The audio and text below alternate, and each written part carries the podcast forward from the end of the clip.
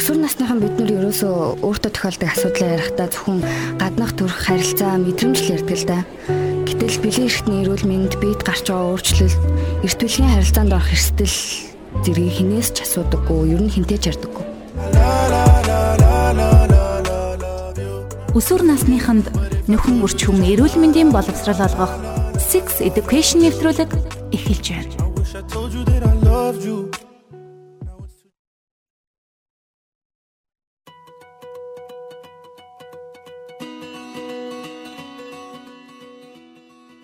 Уу сонсогчдоо та бүхэндээ энэ сайхан өглөөний мэндийг хүргэе. Тэгээд а оламжлалт ясаар манай Sex Ed podcast-ийн цааш шинэхэн дугаар та бүхэнд хүрэхэд бэлэн болж байна. За ингээд болон амч маань хүрэлцэн ирсэн байна. За болон амчтай өглөөний мэнд хүргэе. Өглөөний мэнд хүргэе сонсогчдоо бас өглөөний мэнд хүргэе те хоёлаа. Тийм тэгээд а энэ удаагийн сэдв маань болохоор эрүүл мэндийн хичээл гэсэн юм том сэдв байгаа. Тэгээд ерөнхийдөө өсвөр насны үеийн хүүхдүүдэд маань ордог тэр эрүүл мэндийн хичээлийн тохиромжтой сэдвүүдийг бит хоёр сонгоод тэгээд та бүхэндээ богино хугацаанд тэгээ маш ойлгомжтойгоор зааж өгөх байгаамаа. За тэгээд энэ удаа болохоор 8 дэх ангийн сургалтын одоо хөтөлбөрөөс юм сонгосон хичээл байгаа. Тэгээд ийм багш нар зориулсан юм сайт идэм мэлээ. Тэгээд тэр сайтаас бодлол тухайн хөтөлбөрийн одоо хичээлүүдийг харж агаад ингээд та бүхэнд бэлтгэж хүргэж байгаа гэдгийг хэлэхэд таатай байна.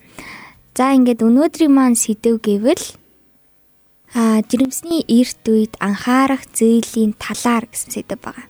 За тэгэхээр өсвөр насны үеийн охтууд маань өөрсдөө мэдлэг мэдээлгүйгээсээ болоод хэрвээ хүсээгүй жирэмслэлд өрцөн байвал энийг хэрхэн таньж мэдэх вэ гэсэн За мөн яаж анхаарах вэ гэсэн талаарх ийм хичээл байна. Би энэ хичээлийг одоо бүгдээрээ сурцгаана. За тэгээд а болгоом амчаасаа асууя. Тэгээ ер нь нэг удаагийн бэлгийн хавтлаар нөх хүүхэд олдгоо гэж хүмүүс нэг яриад дээ штэ. Энэ ер нь хэр үний ортой вэ? Таны талаар манай сонсогчд маань мэдээлэл хүргэж. За тэгэхээр өсвөрийнхөндөө зориулсан нөгөө эрүүл мэндийн хичээл буюу манай подкаст маань тийм ээ Ер нь бол одоо ерөнхий боловсролын сургуульд нь эрүүл мэндийн хичээл гэдэг зүйл орж байгаа юм. За энэ эрүүл мэндийн хичээл нь онцлог нь яг ийм чанартай хүртээмжтэй болж жигд явж чадахгүй байгаа байхгүй. Яагаад вэ гэхээр эрүүл мэндийн хичээлийг болохоор хин нэг ангийн багш өөрийнхөө цаг болгочдөг тийм ээ. За эсвэл эрүүл мэндийн хичээл дээр одоо нэг нэг л үр дүнгөө нөгөө л бидний мэддэг гар угаах за сүүлийн үед нь халдвартай холбоотой ингээл нэг ариун цэвэрл ариун цэвэрл яриад байдаг өөр эрүүл мэндийн хичээл гэдэг зүйл болдгоо тийм. Тэгэхээр энэ эрүүл мэндийн хичээл буюу бид нар энэ эрүүл мэндийн хичээлээр бэлгийн боловсрал гэдэг зүйлийг олох хэрэгтэй байхгүй. За гайхаж магадгүй манай өсвөр үеийнхэн маань те юу юм жирэмсэн юм бид нарт заагаад байгаа юм гэт тийм ээ. Тэгэхээр нөгөө нэг бид нар нөгөө өөрсдөө мэдлэг болохоос гадна гэж сая хэллээ шүү дээ тийм үү. Өөрсдөө мэддэг байжээж а цаашдаа юунд хүрэх ёстой вэ? Ямар алдаа гарахгүй байх ёстой вэ гэдэг зүйл дээр энэ манай энэ подкаст маань чиглэгдэж байгаа учраас тийм ээ. Ер нь жирэмслэлт гэдэг чинь одоо яг юу юм бэ? Өвчин юм уу? Хүнд байх ёстой л нэг зүйл жирэмслүүл нэг бол төрүүлнэ, нэг бол ахуулна гэл нэг хүний нэг чихнээс гадуурх байх, огт тоохгүй байх ёстой зүйл юм уу гэд тийм ээ. Тэгэхээр энийг яах аргагүй манай өсвөрийнхөнд бол энийг бол бүр зайлшгүй орох ёстой, мэддэг байх ёстой сэдвэн. Тэгэхээр жирэмслэлт гэдэг бол хоёр эмэгтэй эрэгтэй хоёр хүний дотны харьцаанаас үүсэж байгаа одоо зүйл байгаа даа шүү дээ тийм үү? Бэлгийн харьцаанд орсноос үүсэж байгаа. За тэгэхээр нэг удаа бэлгийн харьцаанд ороод жирэмсэн болтгүй гэдэг бол одоо маш буруу ойлголт байхгүй. Эмэгтэй хүн ер нь одоо сар болгон жирэмслэх чадвартай.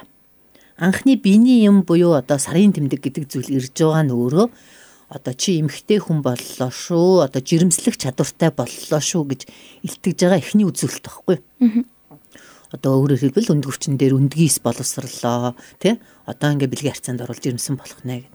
Тэгээд яг энэ сар болгоныг өндгийс боловсрно сар болгон жирэмслэх чадвартай байна. А онцлог нь тэр өндгийс маань ерөөсө 48-аас 72 цаг амьдардаг. Тэр цагт л одоо бэлгийн харьцаанд орвол жирэмслэх нь байна тийм ээ. Тэгэхээр эмэгтэйчүүд нэг юм хуанлын арга гэл хөтэлдэг шүү дээ. Жирэмсэлдэг өдөр, жирэмсэлтгүй өдөр гэдэг. Тэгээ нэг талаараа тэрний яг яг баттай одоо шинжлэх ухааны үндсэлтэй боловч нөгөө талаараа эр бэлгээс чи өөрөө бас 5 хоног амьдардаг байхгүй. 5 хоног. Гэтэл нөгөө эмэгтэй маань миний жирэмсэн болох өдөр биш гэ бэлгийн харьцаанд орчдөг. Нөгөө эр бэлгийн сүтрэнд амьд амьд байж идэг тийм ээ. Тэгэхээр жирэмсэн болох. Тэгэхээр энэ хойнлын арга бол бас өрөөсгөл байгаа ч тийм ээ. Яг баттай 100% гэсэн зүйл бол биш. Тэгэхээр өндгийн ис маань хизээ боловсрдгүү хизээ энэ жирэмсэн болох хоногуд уу гэдгээ мэдчихсэн мэдж байгаа ч гэсэн эмэгтэйчүүд бол жирэмсэн бол ตก бах нэ гэдгийг бол сая би хэллээ шүү дээ нөгөө нэг хүүхдүүд тойруу аргаар юу хөх вэ гэдэг шиг. Тойруу аргаар би хэлчлээ шүү дээ тийм үү? Хэдийгээр жирэмсэн болох өдөр нь биш ч гэсэн одоо эр бэлгээс байж ядг учраас жирэмслэнэ тэгэхээр ер нь бол мэдээж өсвөр өсвөр насндаа буюу ерөнхий боловсролын сургуульд байхдаа яг аль бие осоор гэрлээгүй хосоо сонгоогүй байж байхдаа бол бэлгийн харьцаа гэдэг зүйлийг бол хамгийн зөв зөвтэй нь бол твчих гэдэг зүйл байгаа тийм ээ. За магадгүй сүүлийн үед одоо ингээл нэг нөгөө нэг хүчингийн эргүүд их гараад байж 13 настай охиныг тэгж гээл ингэж гээл тийм насан туршаагүй охтуудыг хүчнэлээ гэд энэ хүчингийн энэ залгүй явдлаас болоод бас жирэмсэн болж болно шүү дээ. Тийм тийм ээ. Тэгэхээр зайлшгүй энэ зүйлийг мэдчих хэрэгтэй болж байгаа. Тэгэхээр бэлгийн харьцаанд орсон л бол жирэмсэн болно. А хизээ болох уу гэдгийг бол одоо мэдээж тэр өндгийн сизээ боловсрж байгаагаар мэдэх нь байна. А түүнээс нэгхэн удаа бэлгийн харьцаанд ороход жирэмсэн болохгүй юм чинь би ер нь нэг сонирхоод энийг ер нь нэг оролдоод хийгээд үзье. Яадаг ч хүн бэлээ. За тэгээд нэг удаа хийсэн чинь нэрэ жирэмсэн болоогүй бол бусдтай хэлээд тэр болгүй юм бэлээ ингэдэм бэлээ гэд ингээд бас буруу ойлголт өгж олж болохгүй. Нэг удаагийнхаар шууд жирэмслэгч тохиолдлууд байна. Тэгэхээр тэр нэг өндгөөсний хал одоо боловсрсан үеийг бидүүлээ мэдхгүй шүү дээ тийм ээ. Тийм учраас яаж ч ятсан хамгаалах хэвээр байна. Тэгээ ер нь бол ойлгох төвчээд зайлхийх хэвээр байна гэдгийг манай эмч маань сануулж гин. Тэгээд ерөнхийдөө түрүү эмч манаас хэллээ. Тэгээд намаагаас 10 жил байж хат ер нь эрүүл мэндийн хичээл гэж бүр хассан байсан аахгүй юу? Бүр нэг жил хасаад эрүүл мэндийн хичээлийг шууд биеийн тамиртай хамт орж мардаг болсон байсан. Аа тэгж жагаад яг хуу нэг сүүлийн нэг жилээс эргээд орж эхэлсэн л дээ. Гэтэ нөгөө ерөөсөө ямар ч тийм мэдлэг болохооргүй те. Ингээл нөгөө нэг одоо ингийн багшин заадаг ч юм нэ мэрэгжлийн тэгвэл эрүүл мэндийн багш гэсэн мэрэгжил байдгүй ч юм уу эсвэл мэдхгүй л юм л та. Тэгэл ангийн багшин жордог ч юм уу те эсвэл ингээл ангиас хөрлөх ч юм уу. Ийм тохиолдолд болоод тэгээд бас хүүхдүүдийг хохирдог учраас хэрвээ та яг бит хоёрын подкастыг сонсож байгаа бол тэр бүхэн тохиолдож болох эрсдлүүдээс өөрсдийг бас хамгаалах юм алхам болж байгаа гэж хэлэхэд тийм бас болж байгаа гэж бодож байна. Бидний үед болохоор эрүүл мэндийн хичээл одоо 90 оноос өмнө гэсэн үг шүү дээ тийм ээ.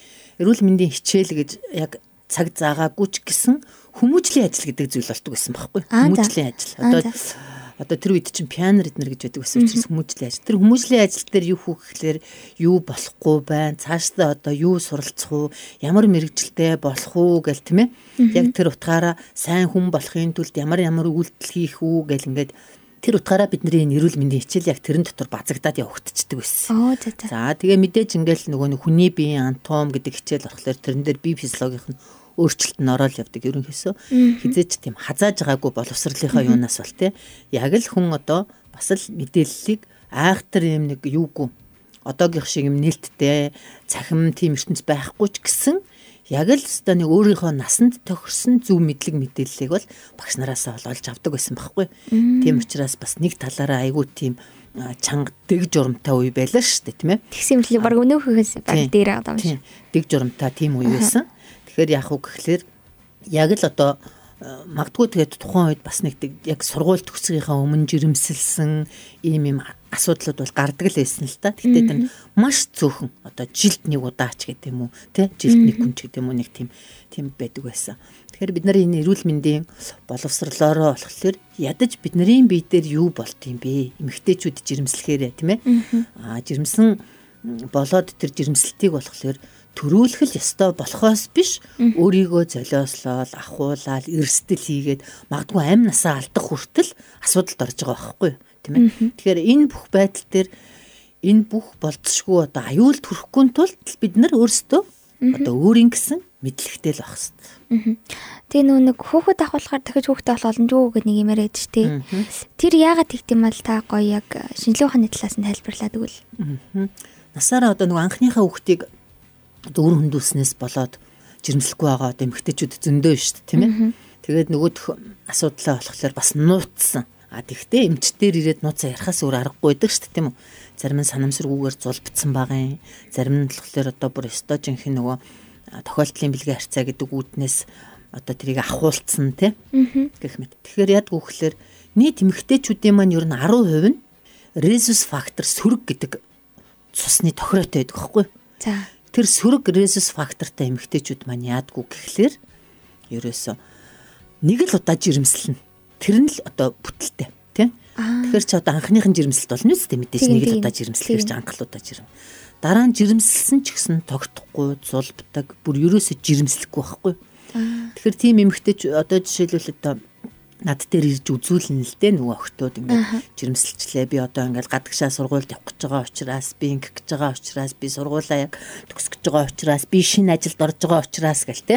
Ерөөсөө авах авахулна гэдэг юм сонголттой ирдэг. Тэгээд мэдээж тэд нарт эхний ээлжинд тийм шинжилгээ бол өөрсдийн заавал үзүүлэх ёстой тийм ээ. Яг тийм байх үгүй юу те. Тэгээд трийгээ баталж яаж дараа нь өөрийнхөө асуудлыг ин. Тэгтэл бол эхний одоо жирэмслэлтийг бол ахуулна гэдэг бол өөрөө маш эрсдэл байхгүй. Дараагийн жирэмслэлт зулбаад байвал яах вэ тийм ээ. Дараагийн жирэмслэлт одоо нөгөө тэжээх явцад чи одоо ээжтэй маш их зовиортай хамгийн наад зах нь л үр хөндөөлснөөс олж жирэмсний хордлого нэмэгддэг. Жирэмсний хордлого үр хөндөөлөгдсөн нэмэгдээд байдаг.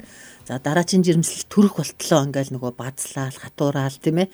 Өөртөө зовиурал, зовирлал гэдэг. Тэгээд мэдээж базлаад хатуурж байгаа хүмүүс чи яах вэ гэхээр хүүхэд нь байнгын хүчил төрөгчийн дутагдaltaа нөгөө л тархины асуудалтай гарсан хойноо уйлаад байдаг шүн унтдаг уу гэж дээрээс гих мэд тэгэхээр охтууд маань хамгийн анх л одоо зүв болох юм хийсэн бол хүссэн цагтаа эрүүл сарвал хүүхэд төрүүлээд өөрийнхөө амьдралд ч гэсэн хамгийн хэрэгтэй зүйл болох байхгүй тий. Тэгэхгүй зүгээр л нэг удаагийн болчимгүй үйлдэлээс болоод алдаа гаргачаа тэр нь насан туршид нь өөрийг дандаа нэг үр дагавар явж идэг э, зүйлтэй болчихвол өөрөө л зовж байгаа байхгүй. Тэгэхээр бид нэр энэ зовлонг туулахгүй байх, үзэхгүй байх боломж байна шүү дээ тийм үү? Яах вэ? Хамгийн анхнаас л зүв байсан. Нөгөө бид хоёр урдлынхаа подкастууд тэлжсэн шүү дээ тийм ээ. Өөртөө юм зөв дадал зуршил авчгал юм бол тэр бид нарт байж л энэ бид нарт болж авсан. Одоо амьдралаас олж авсан сургамж бэлэг болоод байна шүү дээ тийм ээ. Гэтэл чин тэгэхгүй ганцаараа л юм алхам хийгээл ганцаараа л нууцаар одоо нөгөө санамсргүй бэлгийн харьцаанд орсон. Тэрнээсээ үүдэл одоо наад зах нь гэхэд л нэг халдвар аав шүү дээ, тийм үү? Халдвар аав. За тэгэл ингээл тагалдаал үр хөндлөлт үүслээ, үр хөндлөлтөөс үсээд өөрөө насан турштай юм асуудалтай болоод гэх. Тэгэхээр энд бүх зүйлд хүрэхгүй байхын тулд өнөөдрийн бит хоёрын одоо энэ нэвтрүүлэг маань зориулагдаж байгаа шүү гэдгийг хэлмээр байгаа юм тийм. Өсвөр насныхан бид нар ерөөсөө өөртөө тохиолдог асуудлаа ярихдаа зөвхөн гаднах төрх харилцаа мэдрэмж л ярьдаг л да. Гэтэл бэлэн эрхтний эрүүл мэнд бид гарч байгаа өөрчлөлт эрт бүлгийн харилцаанд орох эрсдэл зэргийг хинээс ч асуудаггүй, ер нь хинтээ ч ярьдаггүй.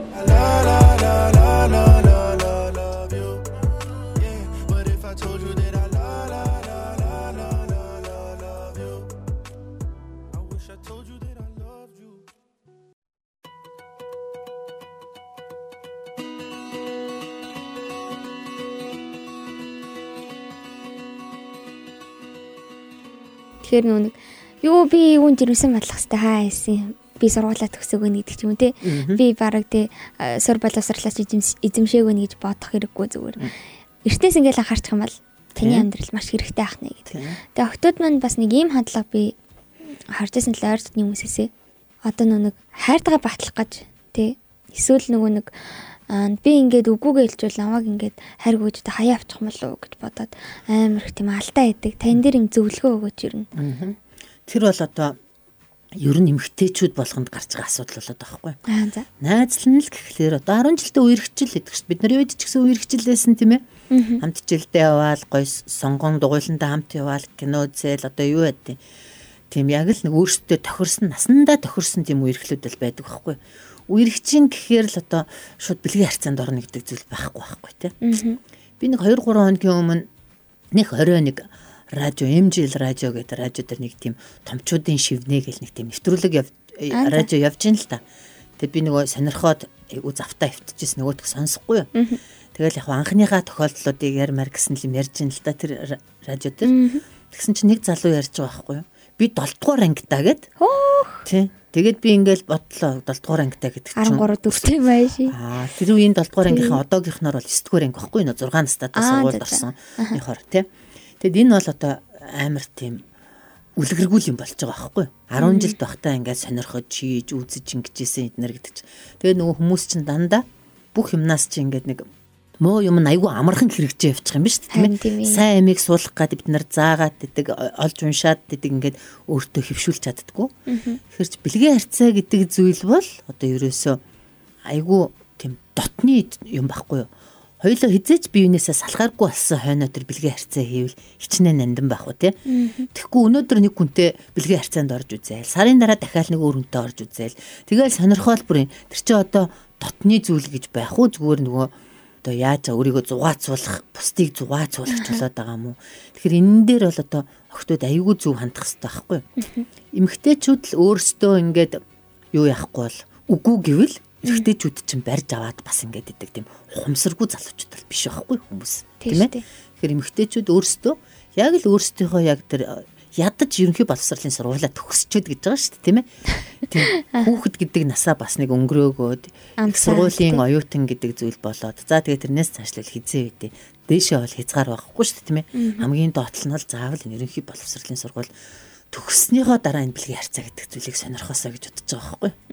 Тэгэл энэ бэлгийн харьцаа л ингээл замбраагүй болсноос цаашаа завхаар л гэдэг юм хүмүүсэл тэгэл нөгөө нэг гэр бүл салал төшөө юу гэдэг нөгөө хардалт муухай тийм муу муухай юм бүгд ингээд дагалтай явчихж байгаа тийм.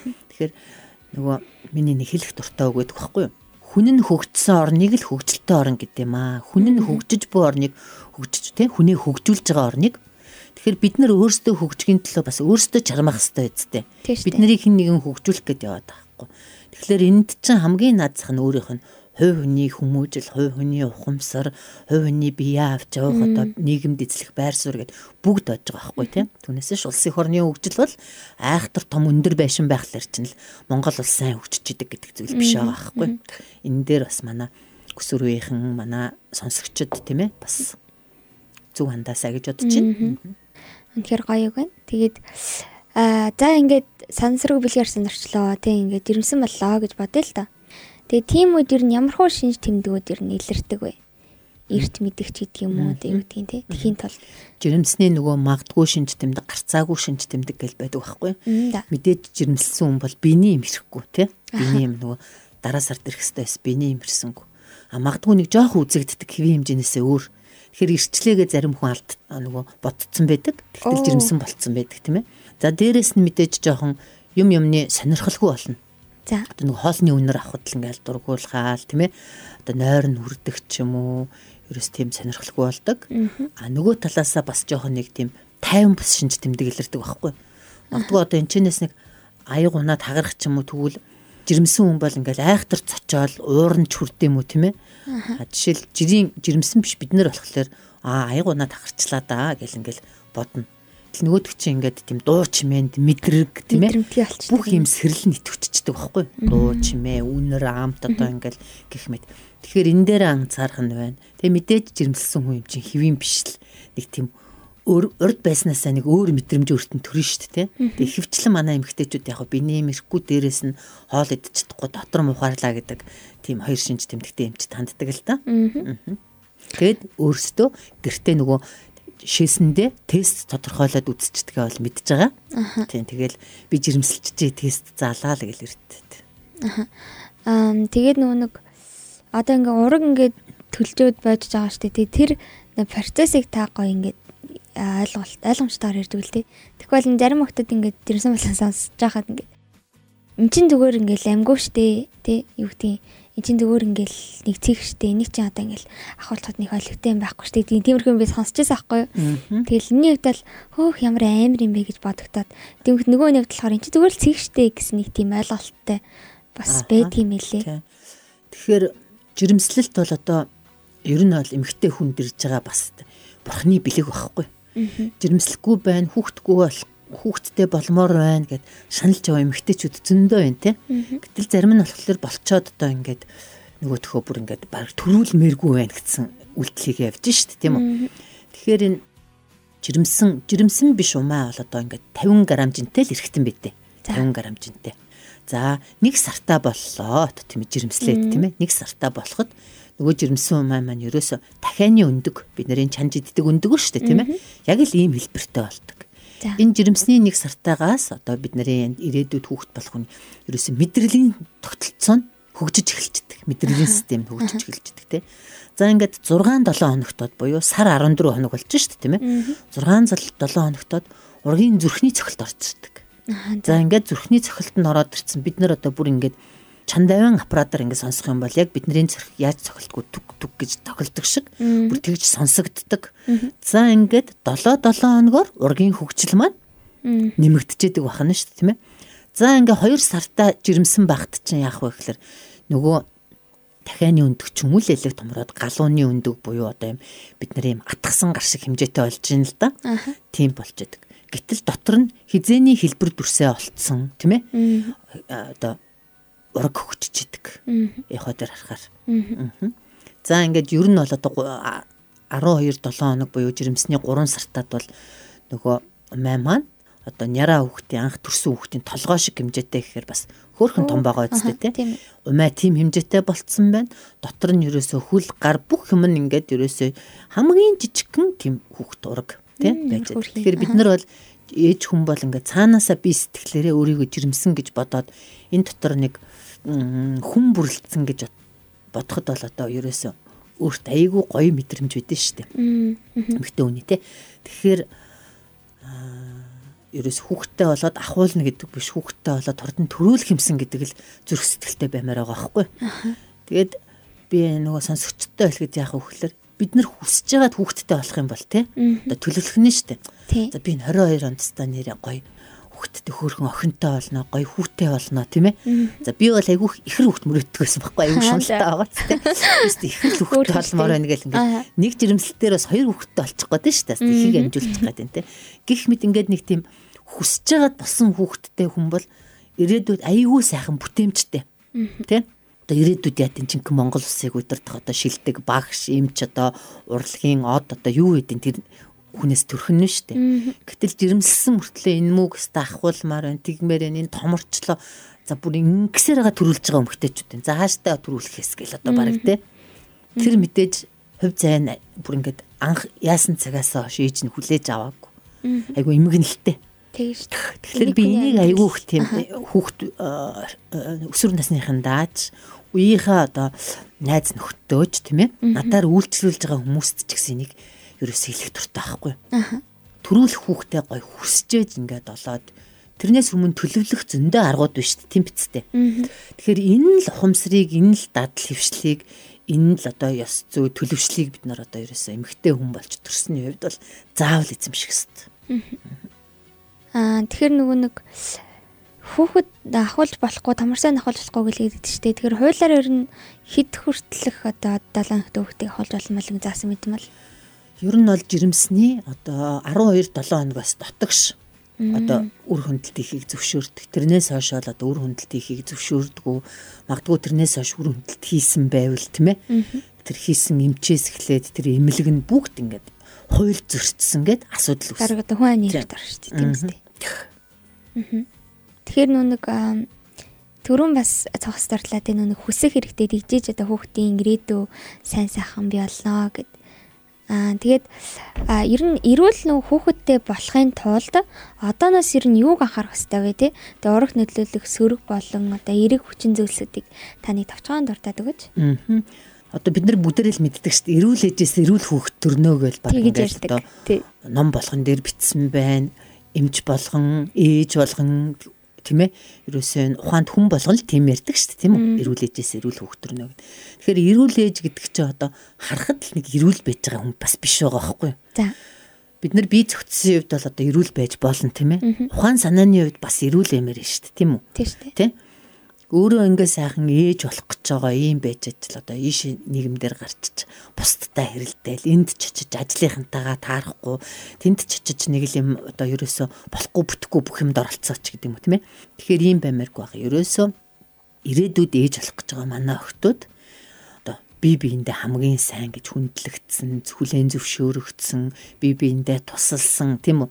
Одоо зөвхөн таньдаг хүмүүстэй туслах биш. Танихгүй хин нэгэнд бас өөрийгөө хүлээн зөвшөөрөгдсөн ийм гоё одоо бие болон оюун санааны хувьд эрүүл байвал өө тэхгүй над хүүхдээ одоо чи өстө дөнгөж 18 таж ирэмсэлж байгаа юм да ахгуулахгүй ахгуул Ингээл ингээд хилээд байвал тэр бас эрүүл биш шүү дээ. Тийм биз дээ. Тэгэхээр одооноос хамгаалдیں۔ шүү. Биний юм чин ирж гин үү? Одоо найз залуутай болсон бол одоо чи сургуулаа төгсчөөч хүүхдтэй болно шүү гэл ингээд гоё би биендээ нэм нөхөрсөг зөвлөгөө өгсөн тийм ээ. Тийм эмгтээчүүд байгаасаа гэж хүсэж байна. За магадгүй тэгээд хүүхд төрөхгүй байгаа нэг эмгтээчүүд над дээр их асуудалтай байдаг. Ягаад гэвэл би нөгөө үргүүдлийн чиглэлээр бас их дагнсан баггүй өөрөө мэрэгжлийнхаа хувьд. Тэгээ нөгөө жирэмслэхгүй байна гэдэг эмгтээчүүдтэй их уулздаг учраас тэд нар дандаа юм эмзэг байдаг тий. Эмзэг байдаг хамт ажиллаж байгаа хүмүүсүүдээсээ зугтж байна. Хамт сурж байсан найз нараасаа зугтж байна тий. Миний нэг найз ихч байна л да. Хамгийн анх хүүхд төрүүлээд нөгөөх нь ингээд асуудлаас болоо нас орцсон тий. Тэгээ одоо өөрхийн амтан нас нь 60 төгч байна. Тэгээд дүнгэж өнөө өглөө надтай ярьж байгаа байхгүй. Манай ингээд нөгөө оюутан найз нарын шинжил болж байна гэл тий. Би тэрэнд ишиг шиг орохгүй очихоор ингээл үр хүүхдээ хань ижлээ өвөө ач гучаа яриад ингээд надад ярих юм болтдоггүй гэл те. Гихмэд бид нар бас орчиндөө мэдрэмжтэй юмар байгаа байхгүй те. Тэр хүн очимоор байдаг ганцхан тэр зүйлээс нөгөө өөрөө хүүхд байхгүйгээсээ л эмзэглэж байгаа байхгүй. Тэгэхээр бид нар бас ингээд хин нэг нэгэ хүүхд төрүүлээгүй байгааг нь мэдж байгаа бол бас гоё. Өөрөөр хандах хэрэгтэй байна ш нөгөөнтэй тийм ээ. Тэр хүн чинь ингээ орчноос өөрийгөө хязгаарлаад одоо баг энэ өөрөө энэ амьдрал дээр хин нэгэнтэй харьцахаас ч дургүй нөхөрж штт тийм үү. Тэгэхээр миний нөгөө түрүүчийн хэлсэн би физиологийн үед эрүүл байж болно. Сэтгэл зүйн хувьд бид нар бас бусдтай сайнаар одоо үлгэрэлсэн эрүүл байх ёстой шүү л гэж хэлэх гээд байгаа байхгүй. За баярлалаа. Тэгээ манай нэвтрүүлгийн цагаас дуусах төгсөн байна. Тэгээд өнөөдрийн маань сэдв та бүхэнд таалагдсан гэж итгэж байна. Тэгээд ерөнхийдөө жирэмслэлтийн талаарх бахаан чотлогоо мэдлэгийг манай подкастаас олж авсан гэдэгт найдаж байна. За тэгээд миний хувьд гэх юм бол ер нь өрхөн нэдэг бол заавал бэлгийн харьцаанд орно гэсэн үг биш. За тэгээд дээрэс нь эмгтээчүүдээс бас их зүйл шалтгаална тий октод маань үгүй гэж хэлж сурах хэрэгтэй. За тэгээд дээрэс нь ирээдүйд тий одоо хүүхдтэй бол аж аргалтай сайн сайхан амьдрахын тулд хамгийн гол нь яг зөв цагтаа хүүхдээ болоо тэр хүүхдээ хүсээд те тэгээ дээрэс нь тэрнээс өмнө сэтгэл зүйдээс анхаарах хэрэгтэй байна гэсэн юм дүгнэлтийг өгч байна. За тэгээд эмч маань тавчгаан дүгнэлтөөгөө тойлоо өтрүүлгээд басгая. Аа. Тэгэхээр өнөөдөр бол жирэмслэлт гэдэг бол эмгхтэй хүнд байх ёстой. Үр хүүхд гэдэг юм бол одоо ёстой. Хүнд бол хүссэн тоогоороо байх ёстой. Гагцгүй тийм ээ. Тэрийг одоо өөрийнхөө буруу алдаанаас болж үр хөвгттэй болох боломжоо алдах вэ? Ирээдүйд сайн ээж одоо их байх одоо юугаа шагналаа алдах вэ? Тийм ээ. Тэгэхээр яах вэ гэхээр ерөөсөө зөв цагтаа зөв газараа одоо өөрөө зөв байж ээж энэ жирэмслэлт гэдэг зүйлийг одоо өөрөө бэлдэж тийм үү? Жирэмсэлж тэгээд үр хөвгттэй болоосоо үр хөвгттэй болсон хойноо бас ингээд бусдад хамгийн сайн нөлөөлөгч ээж болоосой гэж хүсэж байна. За баярлалаа. За ингээ энэ удаагийн маань подкаст маань үгээр өндөрлөж байна. Дараагийнхаа дугаараараа уулзлаа. Төр баяртай сонсогчдоо. Баяртай.